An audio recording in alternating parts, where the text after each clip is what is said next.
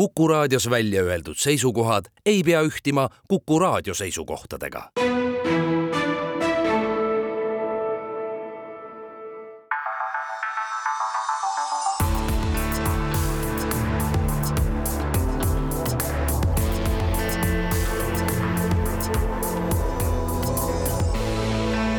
olukorrast ajakirjanduses õues on oktoobrikuu, teine oktoober.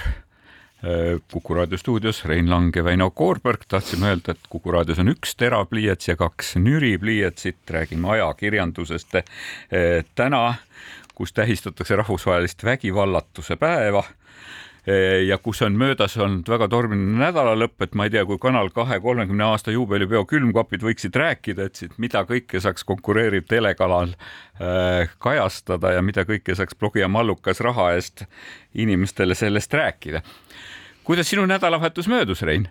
möödus nii, et Kanal kahe peole ei jõudnud. nii et ja paljudesse teistessegi kohtadesse ei jõudnud peale koroonat on äh, saabunud selline karjalaskepäev, toimub nii meeletult palju kõikvõimalikke asju, millest tahaks nagu osa saada. paratamatult igale poole ei jõua aga nendest asjadest, kus süda jääb verd tilkuma, et sinna ei jõudnud, nendest ammutame informatsiooni Eesti Vabariigi ajakirjandusest. oma saadet oleme me reklaaminud sellega, et täna me püüame kogu maailma sülle võtta Reinuga, et ehk rääkida kõikidest suurtest asjadest, küll vaenukõneseadusest, küll ajakirjanduse strateegilisest vaigistamisest, küll kui rääkida sellest, et kas ajakirjandus saaks meele, meelelahutusvabana hakkama, eh, tahaks rääkida sellest, et et mida arvata kleepsu kampaaniatest, mida arvata sellest, et Läti ajakirjandus avalik-õiguslik võiks olla tuhande, kahe tuhande kahekümne kuuendast aastast mitte venekeelne ja nii edasi, tahaks vaadata tagasi ka reklaamiturule ja kõigele sellele. Pole sugugi kindel, et me seda kõike jõuame.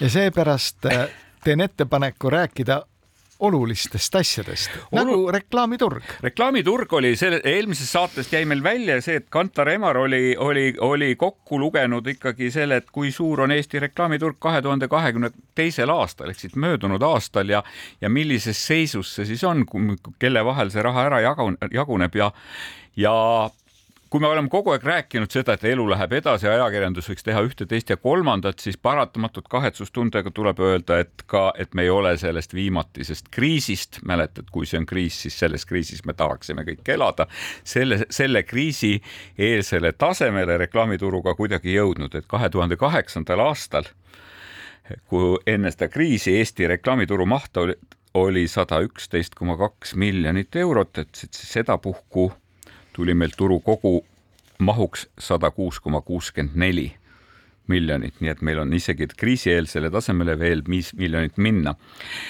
Et kasvud ei ole üldse olnud suured ja panime tähele seda, et, et Eesti turg ei kippunud nii kiiresti kasvama kui näiteks Läti ja Leedu turg, aga, aga, aga kõik need äh, numbrid tegid mind natukene murelikuks, et ühtepidi esikohal on kahekümne seitsme koma nelja protsendiga kogu, kogu sellest äh, reklaamiturust on loomulikult internetikeskkonnad ja, ja internetireklaami kasv on nagu paratamatult ka kogu maailmas käimas, et teisel kohal on televisioon kakskümmend kuus koma kaheksa protsenti, sellele järgneb välireklaam üheksateist koma neli protsenti, raadioreklaam kaheteistkümne protsendiga ja tegelikult seal tagumises otsas me näeme ikkagi seda, et millest kõik räägivad, et tegelikult ajalehtede reklaam paberaajalehtedes, mis oli headel aegadel, moodustas meil siin vähemalt veerandiku, vähemalt veerandiku kõigist reklaamidest, see on langenud siis kümne koma kolme protsendini, rahaliselt veidi üle kümne miljoni euro ja, ja ajakirjade puhul on üldse turuosa siis seal neli protsenti, kolm koma üheksakümmend viis miljonit. mis nende numbrite pealt siis ütelda? otsepost ka, otseposti maht kaheksa koma nelikümmend kaks miljonit eurot. ei olegi kõige väiksem sugugi no minu jaoks oli selles äh, numbrite reas kõige üllatavam ikkagi raadio selline noh, tohutu kindel ja järjekindlalt kindel positsioon. ja mis oli üllatav, et tema osakaal reklaamiturust ju suhteliselt on tõusnud, mitte vähenenud. raadiole on kuulutatud läbi aegade ju kadu kõigepealt arvati, et raadio sööb, tähendab, televisioon sööb välja raadio, siis kui tuli internet, no siis öeldi, et raadio pakkigu nüüd asjad kokku, võib ainult muusikat mängida ja kui mõni loll veel sinna vahele mõne teate ostab, on hästi ja nüüd me äkitselt näeme, et raadio osakaal kogu reklaamiturust on tõusnud üle kümne protsendi, ta ei ole kunagi nii kõrge olnud no,, ta on on... olnud kuskil kuue ringis no, ja seda on peetud heaks tulemuseks. no küllap me peame seal äh, tähelepanu pöörama sellele, et, et meil oli kahe tuhande kahekümne kolmanda aasta alguses olid meil valimised, et mis tähendab seda, et, et tegelikult kahekümne teise aasta lõpp juba oli nagu täis kõiki neid toredaid klippe ja, ja võib-olla nagu sellele eelnenud aasta on olnud ikka ka koroonaaeg, kus tegelikult reklaamiturg niikuinii hüppas üles-alla ja otsis oma kohta, kuidas selle koroona positsioonil üldse hakkama saada, aga aga me näeme, et need trendid, mida nagu on ennustatud läbi aegade, ma vaatasin just enne saatesse tulles äh, ameeriklaste slaidi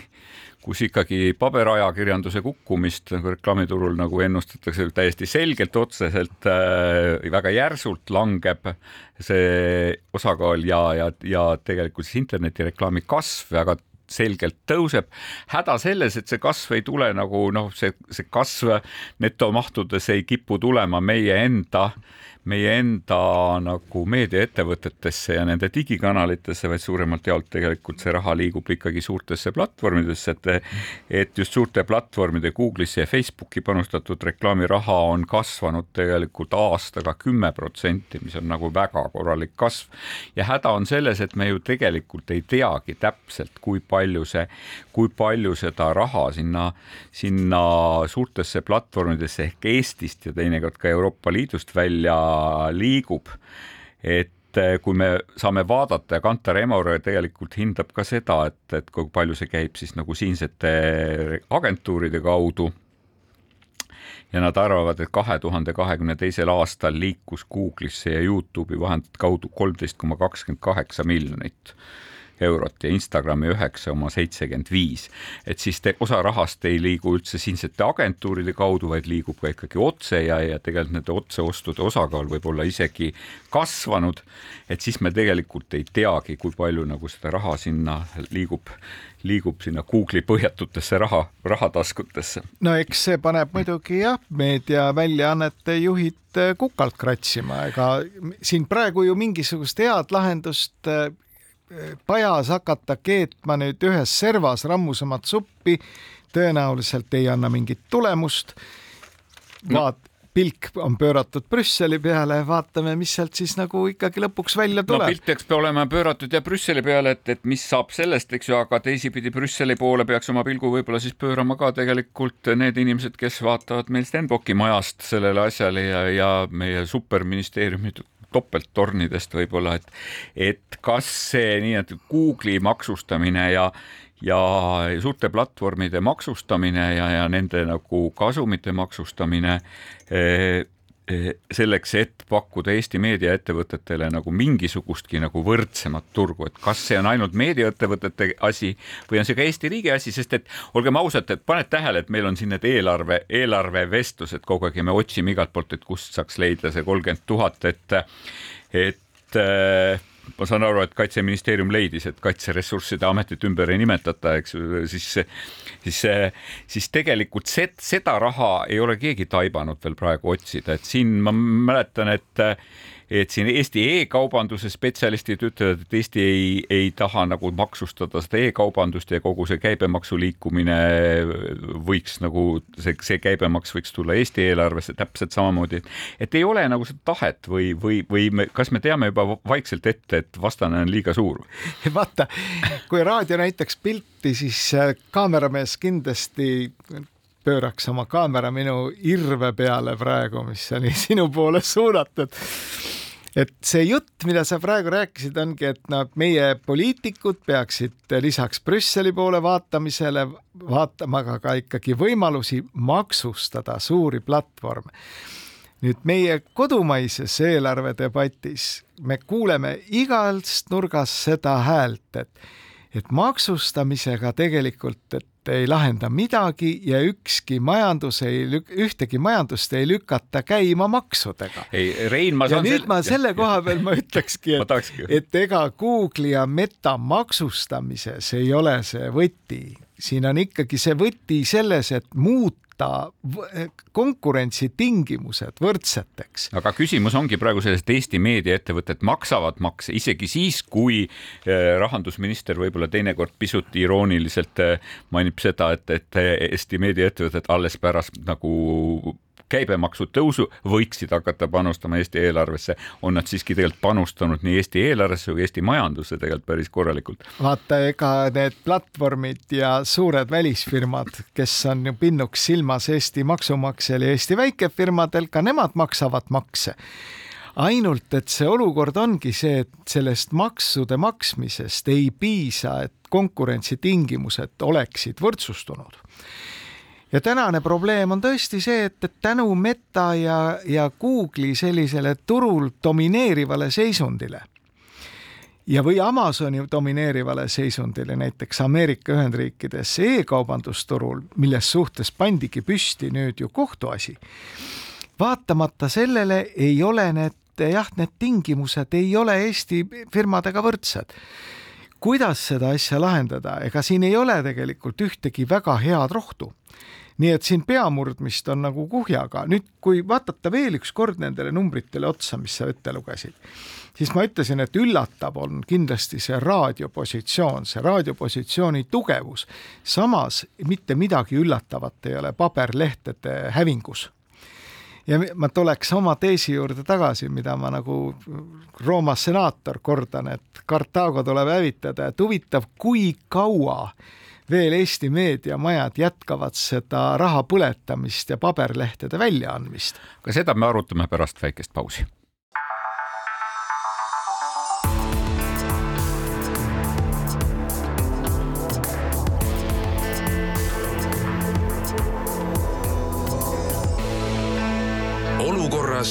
Ajakirjanduses Rein Lang ja Väino Koorberg räägivad olukorrast ajakirjanduses. Rein kuulutas kadu paberajakirjandusele ja ütles, et see, et ajakirjand-, paberajakirjanduse reklaamitulud on iga aastaga järjest kahanevad, see teda ei üllata ei, mitte üks raas. ja mitte ainult mind, ma lugesin väga suure huviga ka Tiit Tennoste intervjuud viimases Eesti Ekspressis. ma pean Ekspressi kiituseks ütlema, et see eelmise nädala number oli üldse üks viimase aja kõige paremaid. Reinul oli palju lugemist. oli palju lugemist ja väga head lugemist. aga Tiit Tennoste ütleb sama lugu, sama asja, et see paberlehe väljaandmine, et see kõik tundub meile ju väga vajalik ja väga ilus majanduslikult täiesti lootusetu ettevõtmine. mina tuletaks kõigile raadiokuulajatele meelde seda, kuidas kaks äh, meediamaja ehk siis äh, Postimees Grupp ja Tallinnas Ekspress Grupp kaklesid aastaid omavahel turgu, turu valitsemise eest ja see meetod oli mõlemil üks seesama, muuta sisu tasuta kättesaadavaks. kuni lõpuks taibati, et sellega kuskile välja ei jõua sellega edu ei, ei saavutata, ei purjetata sadamasse, nagu öeldakse, siis selleks ajaks olid juba kümned ja kümned miljonid eurod ära põlenud. no Rein, paratamatult ma nagu tahaks nüüd kaitsta nii Ekspress Grupi kui Postimees Grupi juhtoinaid sellega, et, et nad ise nüüd seda ise päris välja ei leiutanud, et kogu maailmas on tegelikult nendest, nendest aukudest läbi käidud ja see ei ole üksnes ajakirjandus, selle sisu taga tasuta jagamise eh, auku ei, või, või, või mülkas ei ole kadunud, et tegelikult samamoodi, samamoodi näeb sama häda Spotify, samamoodi näevad tasuta sisu jagamises veel päris mitmed platvormid, et selles ei ole küsimus, aga, aga paberlehe, tulles, tulles nüüd nagu paberlehe juurde, et kuidas see nagu paberlehega haakub ühtepidi, et, et, et paberlehe allakäik ei pruugi olla ainult nagu sellepärast, et, et sisu on tasuta saadaval veebis, eks ju. meil on ikkagi see, et, et paberleht on väga luksuslik ja väga kallis toode, et olgem ausad.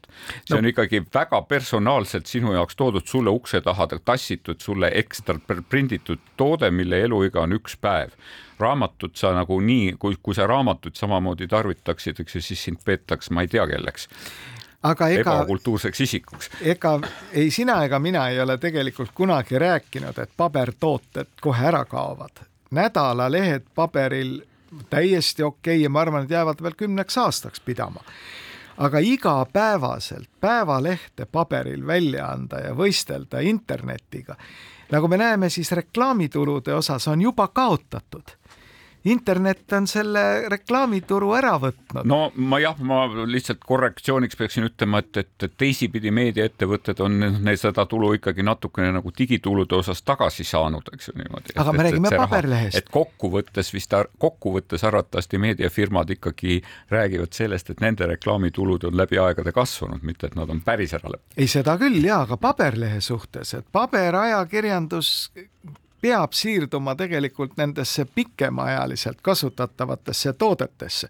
milleks kindlasti on nädalaleht nädalalehte sa ei pea samal päeval hommikul kell üheksa kätte saamast, vastasel juhul muutub ta mõttetuks.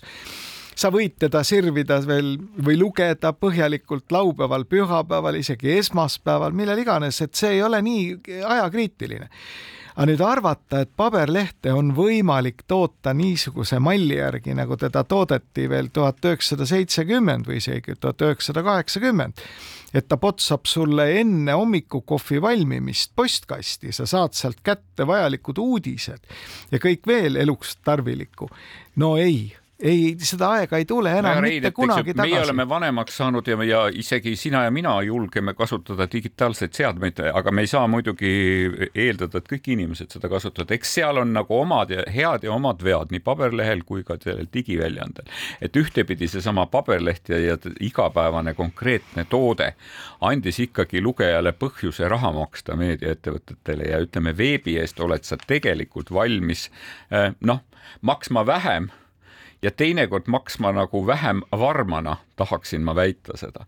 et teine asi on see, et, et me siiamaani ju ei tea, et, et ütleme kasvõi nagu kultuuri säilimise mõttes, et Eesti Rahvusraamatukogu küll talletab Eesti meediaettevõtete veebisaite teatada, ma ei tea, kas kord päevas või kaks korda päevas, eks ju, mingisugusel kujul, eks ju. aga me ei ole nagu sugugi kindlad, et see on ühel hetkel sada aastat hiljem uurijatele samamoodi lihtsalt kättesaadav, nagu on, kui sa lähed kirjandusmuuseumisse ja palud mulle, et palun mulle nüüd Postimehe kauss tuhande üheksasaja, kahe tuhande üheksasaja üheksakümne kaheksandast aastast juunikuu. et, et see nagu, et kunagi on nagu vaadata, kuidas on avalik mõte liikunud, see on jube keeruline, sest noh, toon lihtsa näite selle kohta, et meile tundub küll, et, et seesama pildistav telefon on teinud nagu fotograafia kõigile kättesaadavaks ja pildid on nagu säilinud, aga, aga üks tuttav hakkas raamatu jaoks otsima, hakkas raamatu jaoks otsima pilti, mis oli tehtud viis aastat tagasi ühel konverentsil. Ja selgus, et piltide autor on kahjuks meie seast lahkunud ja keegi ei tea, kuhu on jäänud see digitaalne eh, digitaalne varandus, mis tema telefonis peidus oli ja see pilt oli kadunud, eks ju, noh, paratamatult on meil see aeg selline. Aga noh, nüüd on küsimus selles, et kes kustutab tule paberlehtede osas või et siin nagu en, ise ennustusi ja isetäitavaid ennustusi on olemas igatahes niimoodi, et et Tiit Hennoste selles samas Ekspressi, Ekspressi eh, intervjuus ta ikkagi on ennustanud, et alguses kaovad päevalehed suurtest lehtedest on järgmine ilmselt Eesti Päevaleht, ütleb Ennoste. Õhtuleht ja Postimees on suurema tiraažiga, pealegi need on üle-eestilised lehed, et siin on ka veel Õhtulehe, Postimehe puhul peaks tegema seda vahet, et tundub mulle, et, et Õhtuleht nagu rohkem oma tuluteo poole pealt äh, rõhub paberlehe tellijale just, et, et nende tulude osakaal on suurem, et, et digitulude osakaal arvatavasti Delfi meedias ja ka Postimees meedias on suurem just niimoodi kui Õhtulehel.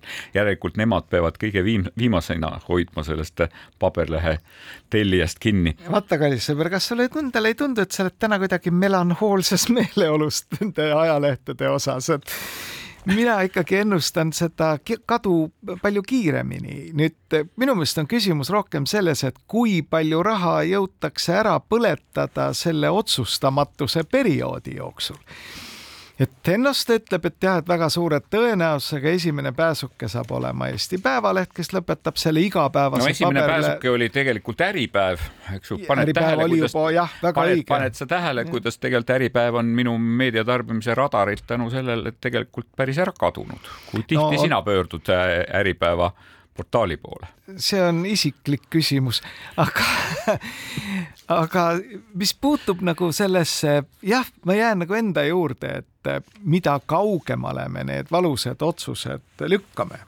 seda kiiremini raha põleb seda rohkem me teeme kulutusi, millel tegelikult see otstarve, no ütleme, on kaheldava väärtusega. mille arvelt see tuleb? et ega meediamaja siis, kui ta täna trükib paberlehte ja see viib raha välja, siis ta tuleb millegi arvelt ja mina ütlen, et see tuleb sisu tootmise arvelt. Ja kui ta tuleb sisu tootmise arvelt, tuleb ta tegelikult ju kvaliteedi arvelt. siin me muidugi jõuame teise olulise punktini, see on ka, mida Tiit Ennuste ütleb ja ütleb temale omaselt reljeefselt. ehk siis ärge tootke neid tähemärke nii palju et tegelikult, kui Eesti ajakirjandus toodaks faile ja tähemärke vähem, kui ta seda teeb täna, siis tema positsioon võiks olla tugevam et pöörata rohkem ikkagi tähelepanu sellele kvaliteedile, mitte kvantiteedile. ma siinkohal toon veel ühe muutuja lauda, et me ei ole, noh, ühtepidi ei ole rääkinud kohalikust ajakirjandusest, mille, mille puhul see paberlehe roll on, on pisut teistsugune ja ka lugejaskonna koosseis on pisut teistsugune, aga viskan lauale ka veel kultuuriajakirjanduse, olgem ausad, et tegelikult, kui me vaatame ka eh, riiklikult rahastatavat kultuuriajakirjandust, et siis nemad on sellises olukorras täpselt samamoodi, et eelarvest on öeldud, et vabandust, raha ei ole, raha ei tule. trükikoda ütleb, et kindlasti, et meie trükkimine on läinud seal ikka mõnikümmend protsenti kallimaks, kojukandefirma ütleb, et meie koju kandmine on läinud mitukümmend protsenti kallimaks. paberimüüja ütleb, et paber on läinud alatult mitukümmend protsenti kallimaks. järelikult see kallinemine peab ka tulema täpselt samamoodi sisu arvelt no ja nii. ma arvan, et ma arvan, et ka kultuuriajakirjandusele on laua peal see küsimus, et kas ilmuda paberkujul edasi või leida mingisuguseid hübriidmõtteid, eks ju niimoodi. kas kultuuriinimesed on valmis tarbima ajalehte PDF kujul, eks ju, kas kultuuriinimesed lepivad sellega, et ajaleht ilmub ainult, ajaleht ilmub ainult digitaalsel kujul ja nii edasi ja nii edasi, see on meie nagu mõtteviisi harjumise küsimus ka. ega seal ei ole ju vahet, kas on kultuuriajakirjandus või, või siis laiem mainstream ajakirjandus, et mul on väga keeruline seal vahet teha ega siis kõikides, nii nagu ka mida rohkem enne... küsib eh, Sirbi toimetuselt trüki, trükikoda trükikulu eest, eks ju, seda vähem jääb Sirbi toimetusel raha ka maksta Sirbi autoritel, me räägime, see on seesama kvaliteedi küsimus. absoluutselt, ütleme, kas ei ole ikkagi saabunud nagu see aeg, kus kõik need, täna on ju selles mõttes aeg, kus head kriisi ei tohi lasta raisku minna. et kõik otsused kohe ära et teha. kui on jutt kärbetest, siis tuleks kärpida eelkõige ikkagi seda sisu tootmist. no mina tõesti ei saa aru, miks peab raiskama oma vaimujõudu, elektrit, kõike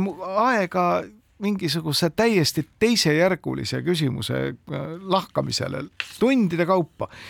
Brigitte Susanne Hunt. ma siinkohal peaks tegema piiksu, sest me enne saadet Piip. leppisime kokku, Rein, et me ei võta seda nime tänases saates suhu, sa ja, praegu sai, said eh, karistuspunkti. just, aga, aga milleks, mis on see lisaväärtus ütleme kasvõi müügiosakonnale, ma ei ole veel aru saanud, kas tõesti selle pidev kajastamine, kes kellega kuskil peldikus, vabandust, WC-s käib, eks ole.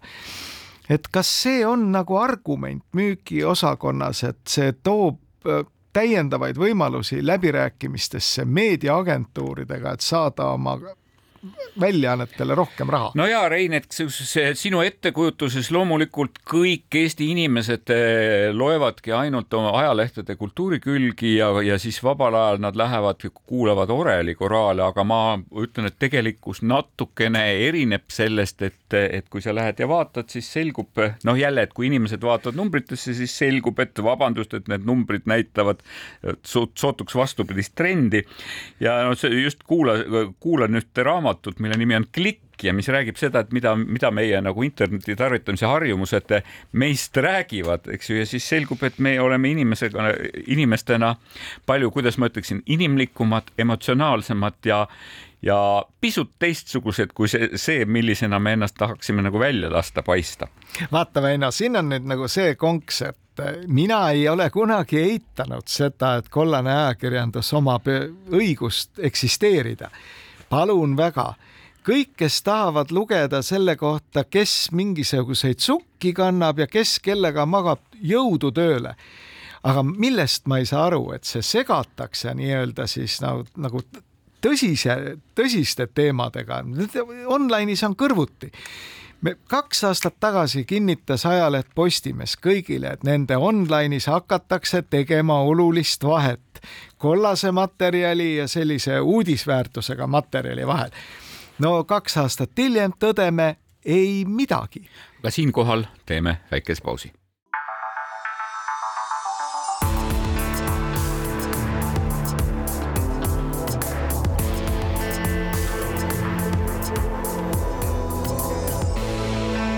olukorrast ajakirjanduses olukorrast ajakirjanduses Rein Lang, Väino Koorberg ja saate eelmises veerandis rääkisime sellest, et kas sada miljonit kärbest saavad eksida, kui nad arvavad, et et see junn on hea ja teisipidi tõstatasime üles ka selle küsimuse, et kas sada miljonit mesilast suudavad sajale miljonile kärbsele selgeks teha seda, et, et mesi on parem kui vabandust, piiks, eks ju niimoodi. et siin äh, ma mäletan, Indrek Ibrus mingil hetkel sotsiaalmeedias ütles, et ta on valmis, et pöördus meediajuhtide poole, et ta on valmis maksma meelelahutusvaba veebiajakirjanduse eest rohkem kui tavaliselt, et ma ei tea, Rein, et võib-olla teile peaks siis, teile kahele tuleks teha see meelelahutusvaba versioon, et mingil hetkel ma mäletan, kui kõik rääkisid väga õhinaga veebiajakirjandusest ja sellest, et kuidas on võimalik kohandada iga meediaväljaannet vastavalt konkreetse lugeja huvidele ja vajadustele, et sellest kontseptsioonist on siiski küllalt kiiresti loobutud, sest ei ole olemas olnud seda süvakultuuri ja oreli teemalist nagu sektsiooni, millest me siin möödunud veerandis rääkisime.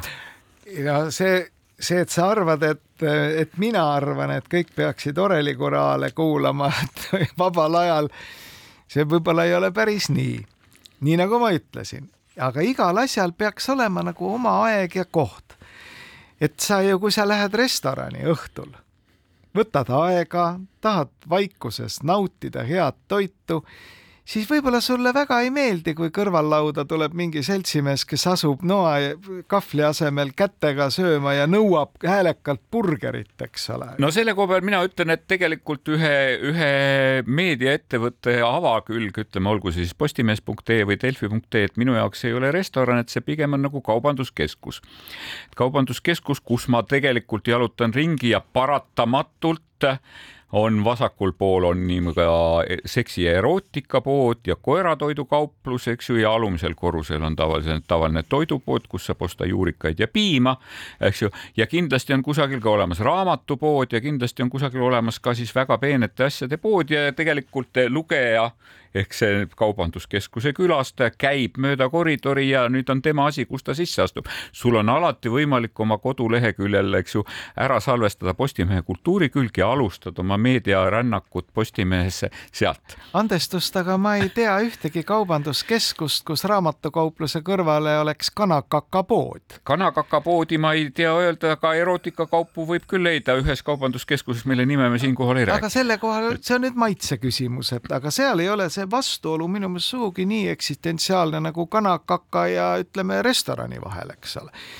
Ja miks siis näiteks ikkagi see ennast soliidseks väljaandeks pidav meediaväljaanne teeb niisuguse asja, et kui sa avad nende avalehekülje, siis kõige olulisemate uudiste puhul me näeme, et seal on mingisugune ebameeldiv lugu, eks ole, sõjast ja seal kõrval mingi täiesti tähtsusetu jama mingist kohalike seltskonnategelaste järjekordsetest seiklustest.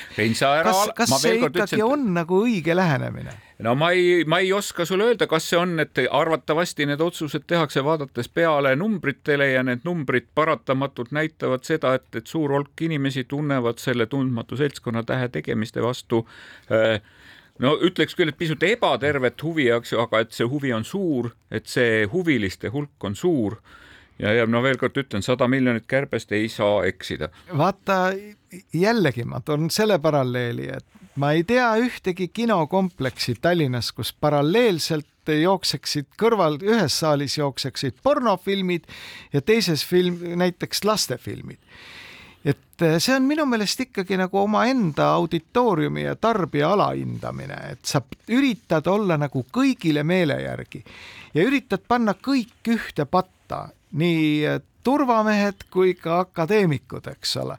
ja siis üritad seda niisugust kompotti, mis sa oled kokku keetnud, kõigile sama hinna eest müüa vot see ei ole minu meelest nagu äh, see, kuidasmoodi peaks raudteed pidama, et inglise keeles on see väga hea termin, this is not the way how to run a railroad.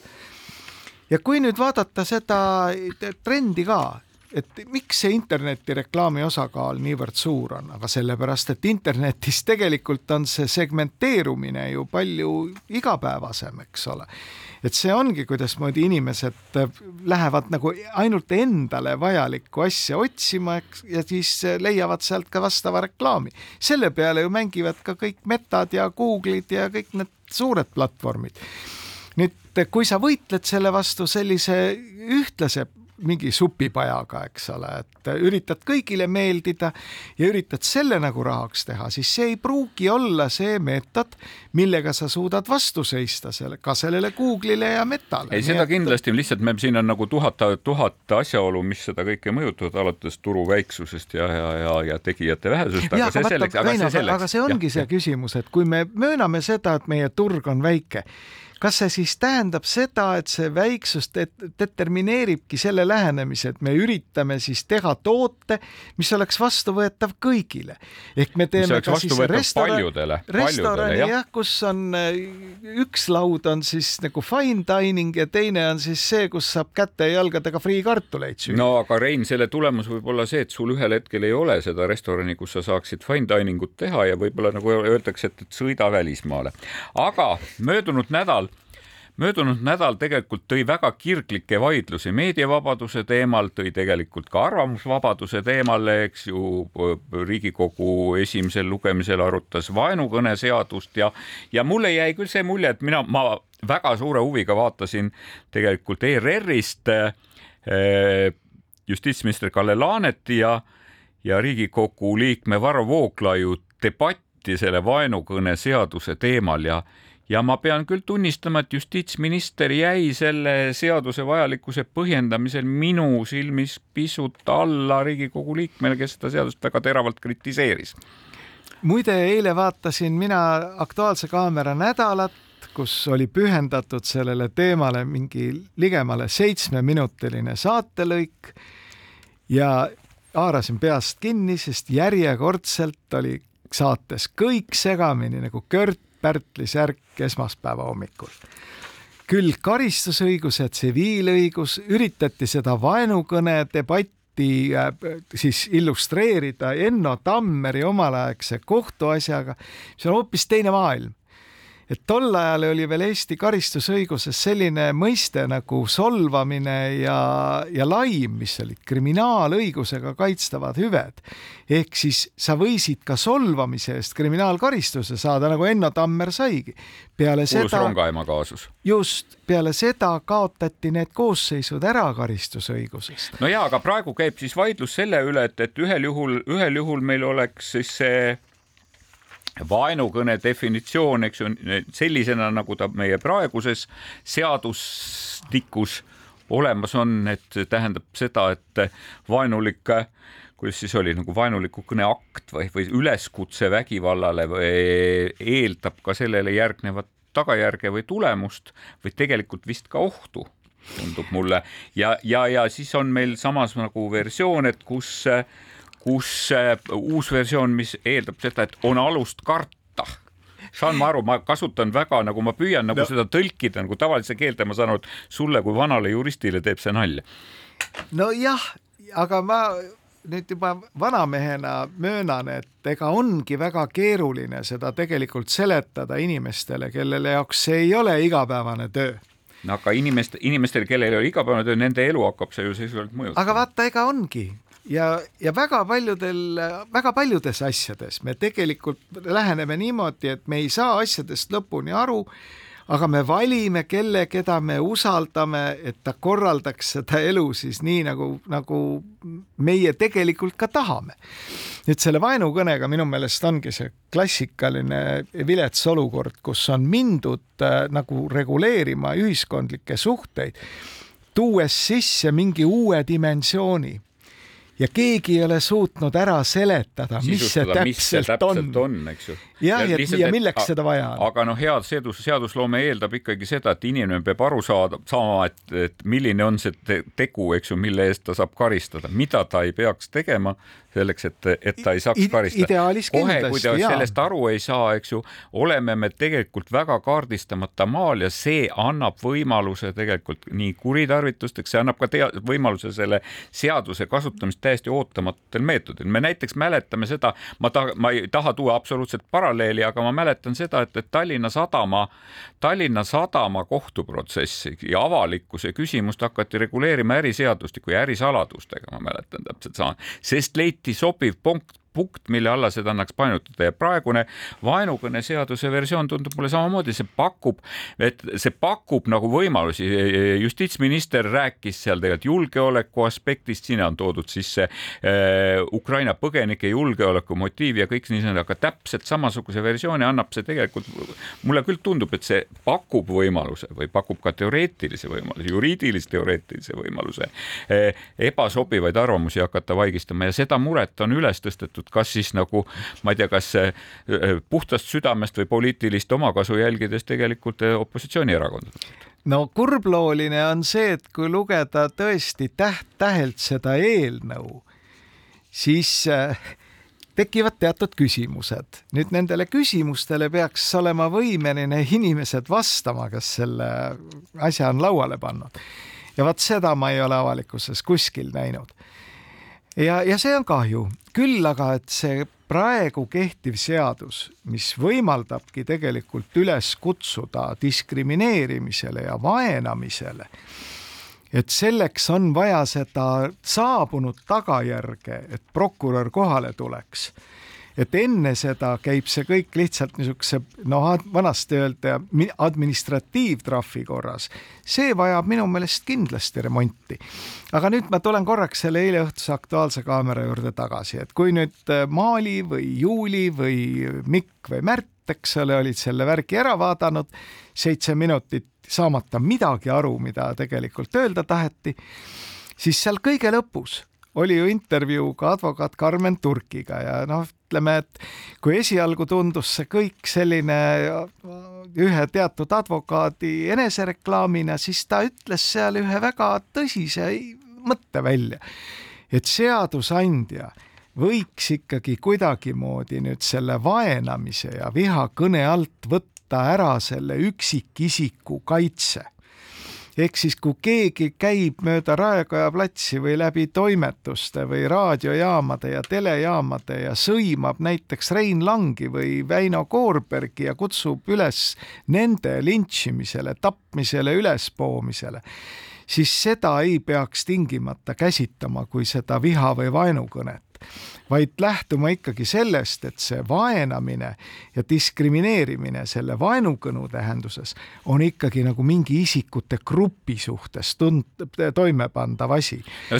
näiteks seda, rahvuse, klassi, mida iganes. seda rõhutas ka, selles mõttes see oligi, et seda rõhutas Varro Vooglaid, kes, kes tõi näitena selle, kuidas Margit Sutrop oli koroonakriisi ajal kutsunud üles vaktsineerimisest keeldunud inimesi teises järjekorras ravima ja küsis, et kas see on viha või, või vaenukõne.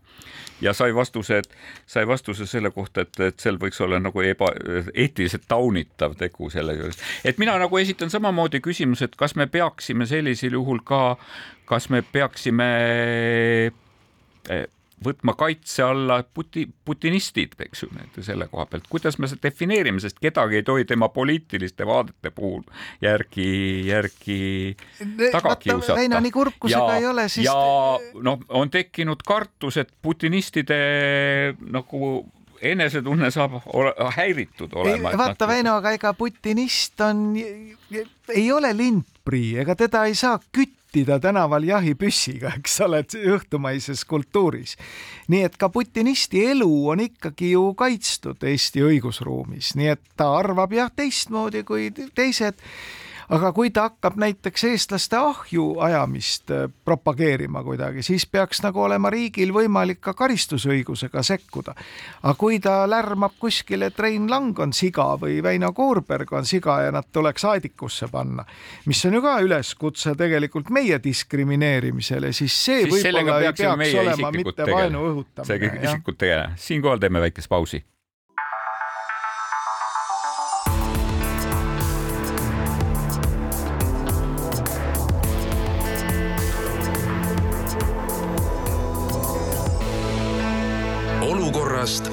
ajakirjanduses Rein Lang, Väino Koorberg, enne pausile minekut, Rein, sa ütlesid, et kui keegi peaks Raekoja platsis hõikama, et Rein Lang on loll või Väino Koorberg on loll, eks ju, et siis see ei peaks minema vaenukõne seaduse alla, et sellega peaksime me ise kuidagi hakkama saama.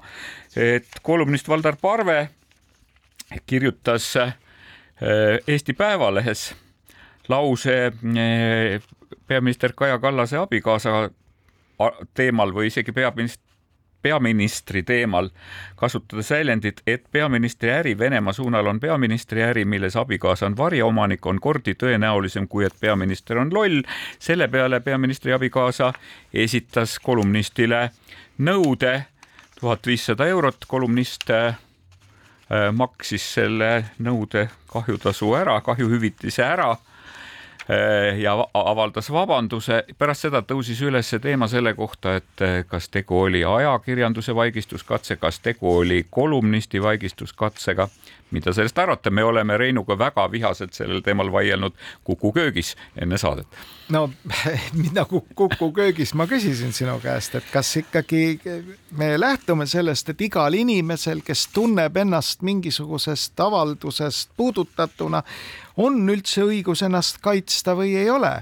Sõltumata sellest, milline on tema ühiskondlik positsioon või varanduslik seisukord nüüd selle kogu selle pseudodebati käigus ma olen ka näinud sellist arvamust, et tegelikult rikastelt tuleks üldse ära võtta õigus enda au ja väärikust kaitsta, sest et noh, nendel on raha ennast no paratamatult kaitsta. me peame ka ütlema, et ei suuda, võrdsustame olukorra, eks. paratamatult peame, me esitasin, ma esitasingi küsimuse, et kas selle otsuse taga oli kolumnisti äh, silmade avanemine teemal, et ta tõepoolest äh, selle väitega on astunud äh, väärale teele, et see väide on täielikult vale või tegi kolumnist väga pragmaatilise otsuse, et ühel pool on tuhat viissada eurot, teisel pool on pikk ja väga kurnav kohtuprotsess, mis võib min-, mis võib minna väga kalliks maksma ka siis, kui see peaks kolumnistile lõppema positiivselt. no mis selle asja sisu oli? et ajaleht trükkis ära ühe loo, mida, mis ei oleks tegelikult tohtinud toimetuse sõela läbida, nagu ütles väga tabavalt ka Tarmo Jüristo. sest et väljaandel, kellel on suur auditoorium, temal lasub ka kohustus kaitsta oma autoreid. nüüd läks see siis nii-öelda eetrisse, inimene tundis ennast sellest puudutatuna, kirjutas sellele autorile kirja, nõudis õigust ja kahju hüvitamist see, kes kirjutas, taipas, et midagi on läinud nihu, maksis ära, case closed, nagu öeldakse ja see ei puudutanud üldse ajakirjandust, keegi ei süüdistanud ajakirjandust mitte milleski. seda kummastavam oli minu arvates see reaktsioon ühe teatud äh, meediajuhi poolt, et noh, see on enneolematu mingisugune sõnavabaduse ahistamine. ma ei tea, kas see reaktsioon oli, et see on enneolematu, sest mulle tundub, see on väga enne olnud, enne olnud, enne olnud reaktsioon küll, kuid Euroopa Parlament ja ka Euroopa Komisjon on seda probleemina tegelikult väga selgelt ju teadvustanud, et nad on, et et kasutatakse menetlusi, eh, kasutatakse ära õigussüsteemi selleks, et et hirmutada, karistada, takistada avalikus debatis osalemist ja, ja, ja paratamatult võib see äh, esitada nõudeid, hagisid, kaebusi ja mitte üksnes ajakirjani, vaid ka teadlaste äh,, sotsiaalmeediategelaste, blogijate, meeleavaldusel osalejate vastu süüdistades neid siis laimamises, isikuandmete, autoriõiguste, ärisaladuste paljastamises, ükskõik milles muus, eks ju. ja, ja selle eesmärk on tegelikult kurnata seda inimest, just täpselt kurnata teda selle juriidilise protsessiga. alailma ei tähendagi see kahjutasu võib olla suur, aga ei pruugi olla suur, aga see protsess iseenesest on väga kurnav ja see tekitab seda, kas ma pean edaspidi suu kinni või ma siis äh, käin selle tee lõpuni. eks see nüüd on siis see tüüpiline spekulatsioon, et vot, et Valdar Parve maksis ära selle tuhat viissada eurot, sellepärast et tegelikult ta kardab seda, et teda vaigistatakse või siis lõigatakse öösel kõri läbi või midagi. ei, aga taolist. no ma ei tea, kas ta see hirm päris on no,, aga kas see tea, arutelu on põhjendamatu? minu öelda? meelest antud kontekstis täiesti põhjendamatu, see on niisugune, et tegelikult milles on see probleem, et see toimetus, kes selle Valdar Parve jutu avaldas, see tõenäoliselt itsitas pihku, ütles, et vaat kui süngelt vend paneb. see oli nüüd spekulatsioon. jah, see ka see on spekulatsioon ja, aga mulle tundub, et mulle tõesti tundub, et see oli niisugune, et kuna kellegi toimetaja arvamus läks, et noh, niisugune ärapanemine on igati hea paneme selle värgi lehte, ise ei vastuta ka, eks ole, sest toimetust antud juhul sellesse asja sisse tuua praktiliselt ei ole võimalik. Karmen Turk muidugi, keda sa siin saates juba korra nimetasid, kahetsustundega ütles, et, et see, et kahju, et see see juhtum ei läinud kohtusse, sest kohus oleks sellisel juhul saanud kasvõi nagu objektiivsed asjaolud tuvastada ja kohus oleks saanud anda hinnangu sellele arvamusele, et kas tegu on faktiväitega, kas tegu on väärtushinnanguga, kas see väärtushinnang on põhjendatud või põhjendamatu, et praegusel hetkel nagu see, see asi nagu lõppes liiga vara ära ja tegelikult see, see arutelu toimub meil nagu tagantjärele tarkusena. no Karmen Turk advokaadina kolmsada eurot tund kindlasti oleks väga meelitatud, kui tema tema saaks näiteks seal protsessis advokaadina osaleda. ma rõhutan siinkohal, et Rein arvatavasti on hästi informeeritud sellest tunnihinnast, aga see, see oli praegu kõne. ega ma ei tea, kas see oli kolmsada.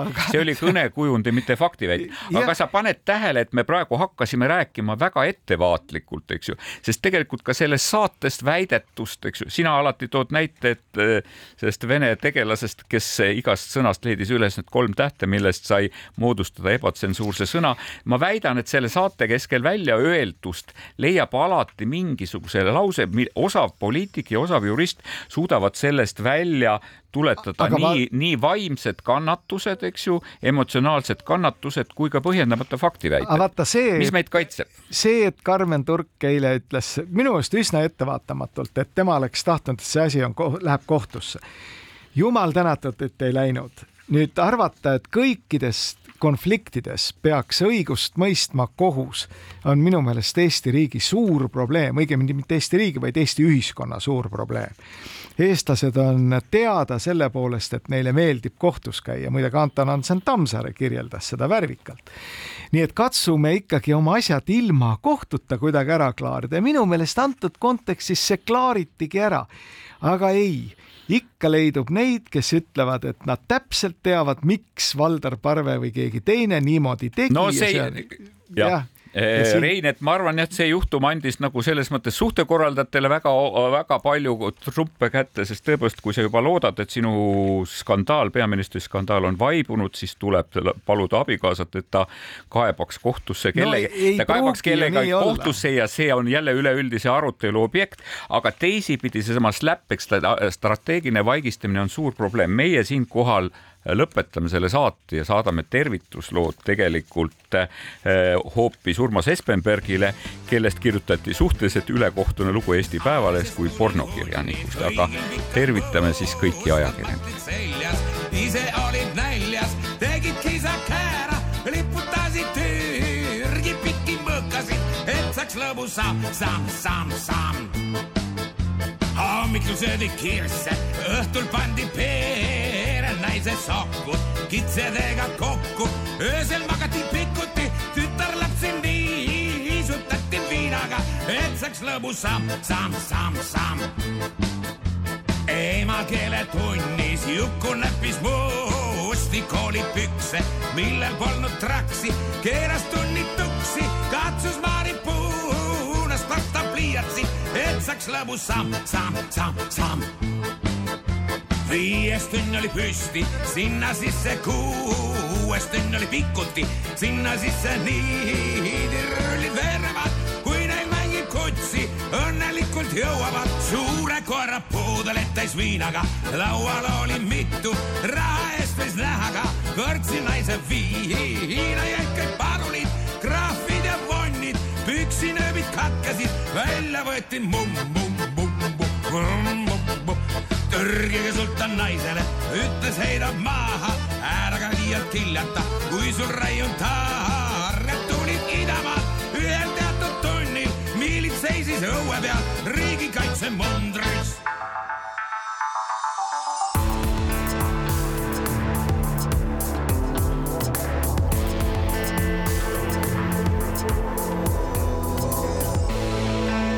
olukorrast ajakirjanduses